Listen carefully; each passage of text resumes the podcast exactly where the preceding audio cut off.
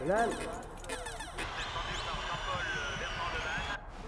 طفئ النور ونام Modanın bilinç dışı.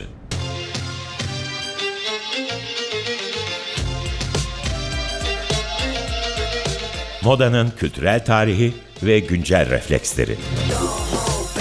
Cause you woke up in the morning with initiative to move, so I make it harder. Hazırlayan ve sunan Özge Kanlı. Time has come to Push the button.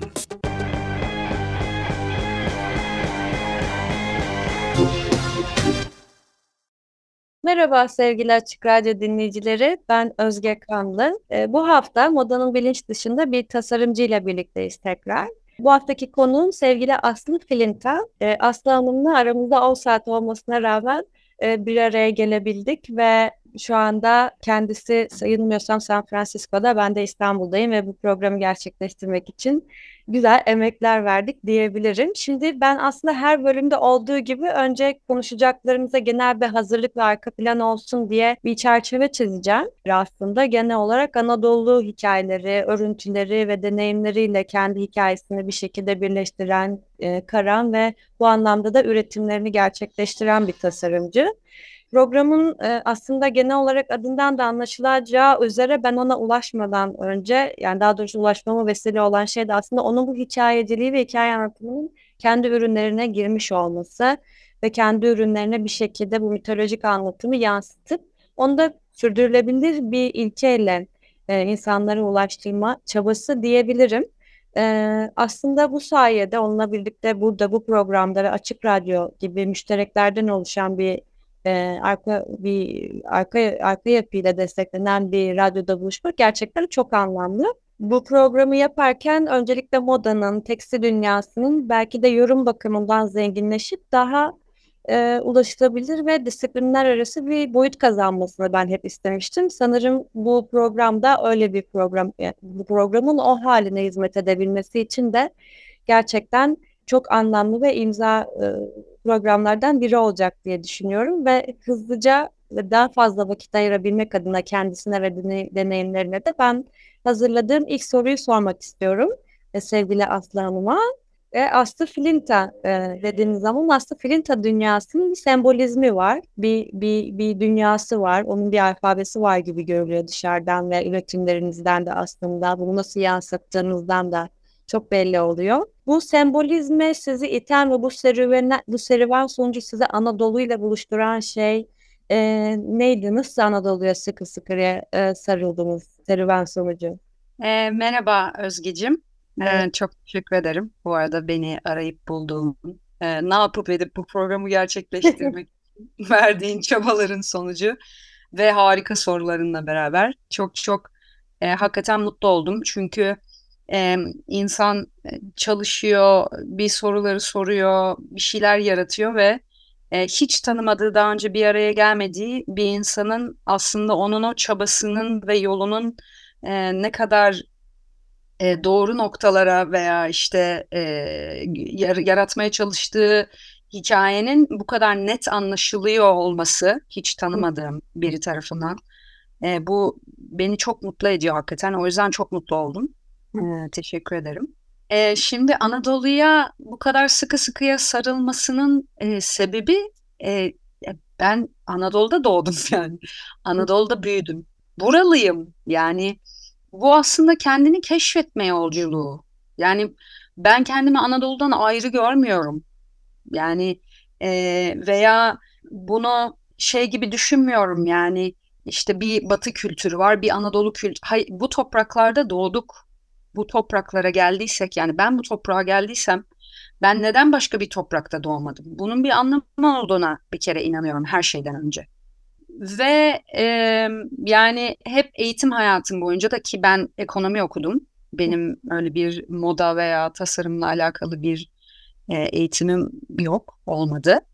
E, hep soru sorarak e, ve o sorulara da yaratıcı cevaplar e, vermek üzerine bir e, ailemden böyle bir eğitim aldım. Öyle olunca o e, yani bir şekilde hep böyle bir e, yaratıcılıkla bir şeyleri düşünmek gibi bir güdüyle birleşti. ama dediğim gibi yani bunu ayrı bir Anadolu bir kere çok şanslı olduğumu da hissediyorum. Hı hı. E, çünkü şimdi belki bilinç yükseliyor ve e, insanlar Anadolu'nun e, hikayelerini, kıymetini, değer değerini, e, renklerini, sembollerini, el emeğini belki insanların dikkatini çekmeye e, başladı. Çünkü dünyada her şey tüketildiği için e, yani Hindistan'daki renk festivaline kadar bütün tasarımcılar her şeyi yaptı. Ama Anadolu hikayesi o kadar zengin ki e, şimdi bu bilincin de yükselmesiyle beraber e, insanlarda böyle bir e, esinlenme durumu başladı.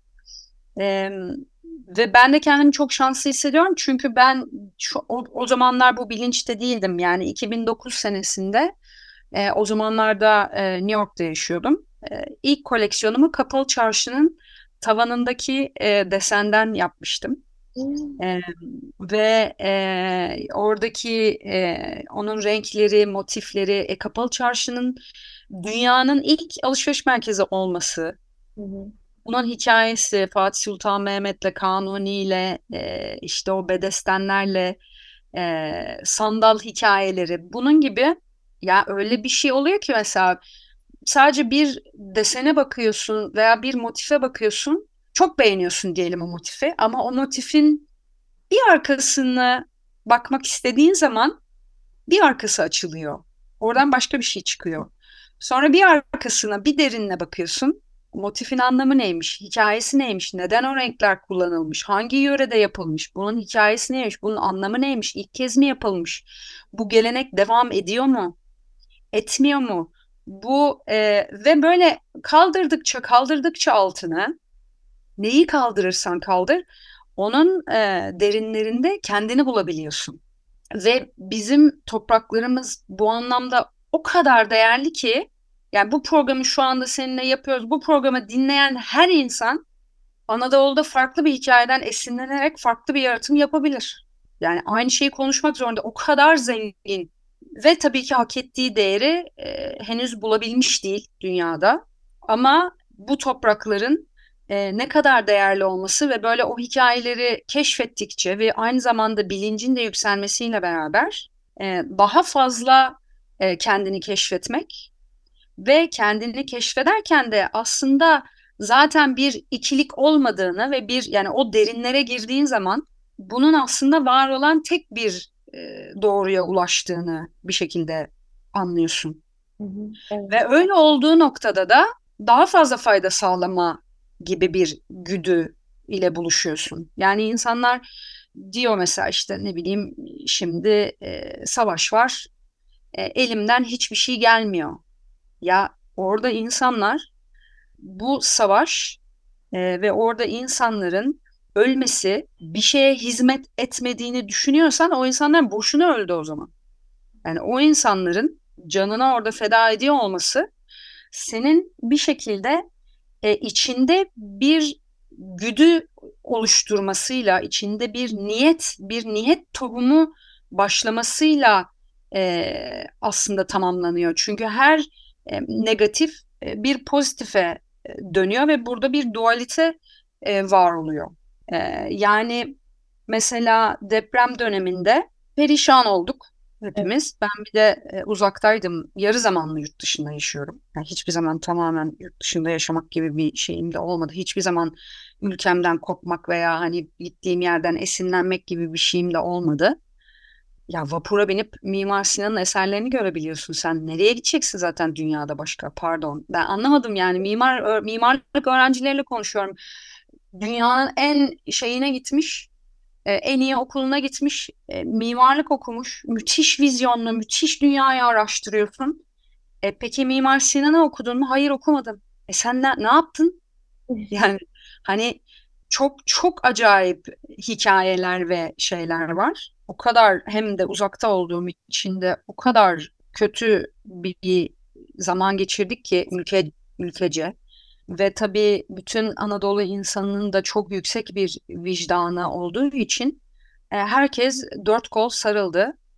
E, yalnız tabii Anadolu insanında bir de uyumlanma özelliği olduğu için e, yani vicdanla ilk başımıza geldiğinde hurra herkes elinde ne var ne yok o an belki ona giriyor ama bir şekilde de bir çok uzun yıllar yani 15 bin yıl öncesine dayanan kalıntılar varken çok uzun yıllar bu topraklarda var olmanın sonucu olarak da bir uyumlanma e, özelliği çalıştırdığımız için başımıza gelen kötü duruma da uyumlanıyoruz.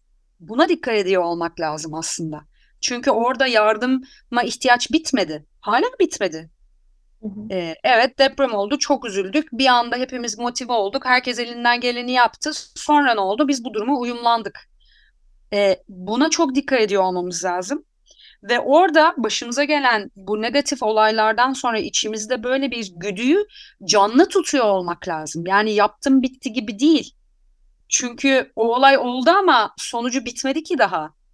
Yani şu en çok şu anda e, bizim Anadolu topraklarına sahip çıkıyor olmamız lazım. İnsanına sahip çıkıyor olmamız lazım. Bu bir tek maddi olarak da değil yani bizim hem manevi hem maddi olarak bu topraklarda birliği sağlıyor olmamız lazım ve bunu da işimizin her alanında yaratıyor olmamız lazım. Ya bunu böyle süslü laflar, ay sürdürülebilirlik, işte aman kolektif fayda bunlar boş işler yani kelimesi bunun her başlığa ayrı bir hikaye konması bunlar konu bu değil yani. Konu bizim kendi içimizdeki uyanışı yaşadıkça ve bunu bulunduğumuz her alanda kendi topraklarımız için kendi bu yani bunu ben şöyle bir e, herhangi bir sınır veya herhangi bir e, bayrak veya bundan bahsetmiyorum. Herhangi bir ırktan bahsetmiyorum, herhangi bir dinden bahsetmiyorum. Yani bu birliktelikten bahsediyorum çünkü bir gönül birliği var. Yani gönül birliğiyle dünyaya gönderilmişiz. Bunun bayrağı, dili, dini yok ama bulunduğumuz yerde amacımız da e, senle bugün biraz önce konuştuğumuz konu gibi.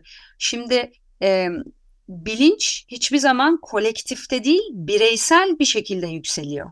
Yani evet her zaman savaşlar vardı ve her zaman savaşlar belki de olacak.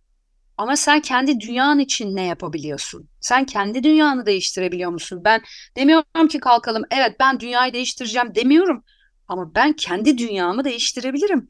Benim etrafımda 10 kişi varsa 20 kişi varsa belki bu konuşmayı yapıyoruz şu anda birinin kulağına bir yerden bir şey girdi bir şey oldu al sana bir kişi daha yani bunu bilmiyoruz ve bunu e, bu yüksek vicdan mekanizması dünyanın başka hiçbir kültüründe hiçbir toprağında yok yok yani bunu e, ben bir şekilde ilk işe başladığım zaman 2009 senesinde Japonya'ya ihracatla başladım ve o zamanlar New York'ta yaşıyordum.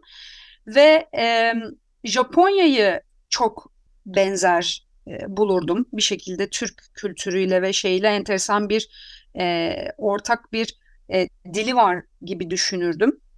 E, ve gide gele çok fazla oraya seyahat ettiğim için de ve orada e, ya atıyorum işte bir gün satışa veya fuara katıldığın zaman zaten İngilizce konuşmadıkları için hep bir adım geride durdukları için e, Japon e, çevirmenlerle çalışman gerekiyor. Öyle olunca bir sürü arkadaşım oldu e, ve e, şeyde mesela bir gün bir şeyde e, kahve alıyorduk. İki kahve e, ben kahve söyledim o çay söyledi sonra servisi yapan çocuk iki kahve verdi. Kız da hiçbir şey söylemeden kahveyi aldı. E, ben de New York'tan gelmişim. Yani Amerika'da kıyamet kopar. Hiç kimsenin umurunda olmaz. Düzelt bunu ver geri çayımı der. Kadın söylemedi bunu. Dedim ki sen dedim çay söylemiştin. Neden dedim kahveye okey diyorsun yani. Hani ben de şaşırdım niye böyle bir şey yapıyorsun. Şimdi de ben de eğer dedi e, söylersem dedi o dedi kendini dedi yanlış yaptığını düşüneceği için dedi kendini kötü hissedecek dedi. Ve kendini kötü hissetmesini istemediğim için ben dedi. Ben kahvede içerim ne olacak ne fark eder dedi. Sonra ben bunu anlamadım dedi. Ne oluyor? Bu nasıl böyle bir kafa yapısı diye. Sonra biraz tabii bunlarla ilgili biraz okumalar yaptım. Sordum, anlattılar filan. Şimdi Japon e, kültüründe e, aileler çocuklarını e, topluma hizmet etsin diye yetiştiriyorlarmış. Ve mesela orada şeye de çok şaşırmıştım bir işe alındığı zaman bir Japon firması gene bir Japonlu işe alacağı zaman e, lifetime agreement diye yani hayat boyu imzalanırmış işe girişler. Evet. Ve sen işini değiştirirsen sende bir problem var denirmiş şey gibi. Yani hayırdır sen Life niye şirketindeyiz? Çok nadir bir şeymiş bu. Yabancılar için değil ama o kültürde doğup büyüyenler için böyle bir mantık var. Mesela suç oranı sıfır Japonya'da. Kapılar kilitlenmiyor. Suç oranı sıfır ne demek bir ülkede? Ama bununla doğru orantılı bir şekilde de intihar oranı çok yüksek. Self sacrifice dedikleri değil mi? Aslında kendi ben Çünkü başkasına zarar veremediği için ve kendi şeyini ortaya koyamadığı için kendine zarar veriyor. Evet. Yani mesela bahşişe para veremiyorsun. Bu bir hakaret olarak sayılıyor. Yani sana ben bir hizmet verdim ve, ve bu hizmet hediyedir. Ve ben sana hizmet verdim. Ben hani Japonya'da e, bahşiş verilmez diyorlar. Cebime koyuyorum. Amerika'ya gidiyorum. Bahşiş vermeyi unutuyorum. Arkamdan koşuyorlar. Sen niye bana bahşiş vermedin diye mesela. Hani böyle bir kültür farklılığı. Yalnız buradaki Türklerle olan kısmında yani ben yakın bulduğumdan hani Türklerin de çok, Türk demeyeyim Anadolu'daki e, insanların diyeyim. Bu bir öğretiyle yapılıyor Japonya'da. Çünkü herkes çocuğunu topluma hizmet versin gibi yetiştirdiği için. Halbuki bizde o vicdan mekanizması olduğu için ve bu çok yüksek olduğu için bu eğitimle değil bu gerçekten gönülden gelen bir verme duygusu var bu topraklarda doğmuş büyümüş insanlarla. Yani burada şimdi mesela o evsiz insanları görüyorsun San Francisco'da, Kaliforniya'da bir de muhtemelen hava güzel diye e, ve burada da o, o bir şekilde e, legal olduğu için aradıkları şeyler. Bütün evsiz insanlar burada. Yani bu kadar evsiz e, Türkiye'de Anadolu topraklarında olmaz. İnsanlar bırakmaz diyorsun ama sonra mesela böyle düşünüyorsun ama sonra dönüyorsun uyumlanma özelliğinden dolayı Antakya'da e, böyle konular yani şimdi ben hani her konuyu biliyorum gibi bir şey anlatmak istemiyorum ama kendi baktığım ve yaptığım çalışmaların içinde bu soruları sormak zorundayım. Bu soruları anlamak zorundayım. Çünkü soru sorarak ileri gidebiliriz. Ve önemli olan doğru cevabı bilmemiz değil. Önemli olan doğru soruyu sormamız. Modanın bilinç dışının 26. haftasında Aslı Filinta ile birlikte bir sohbet gerçekleştirdik. Sohbetimiz iki bölümde yayınlanacak. Biraz uzun bir sohbet oldu. Bu hafta bize ayrılan yaklaşık 25 dakikalık sürenin sonuna geldiğimiz için ilk bölümü dinlemiş oldunuz. İkinci bölümü yine iki hafta sonra aynı gün ve saatte 95.0 Açık Radyo'da sizlerle birlikte olacak. Şimdiden Aslı Hanım'a tekrar teşekkür ediyoruz ve iki hafta sonra e, sohbetin ikinci bölümünü dinlemek üzere tekrar sizlerle buluşmak dileğiyle diyorum. Hoşçakalın.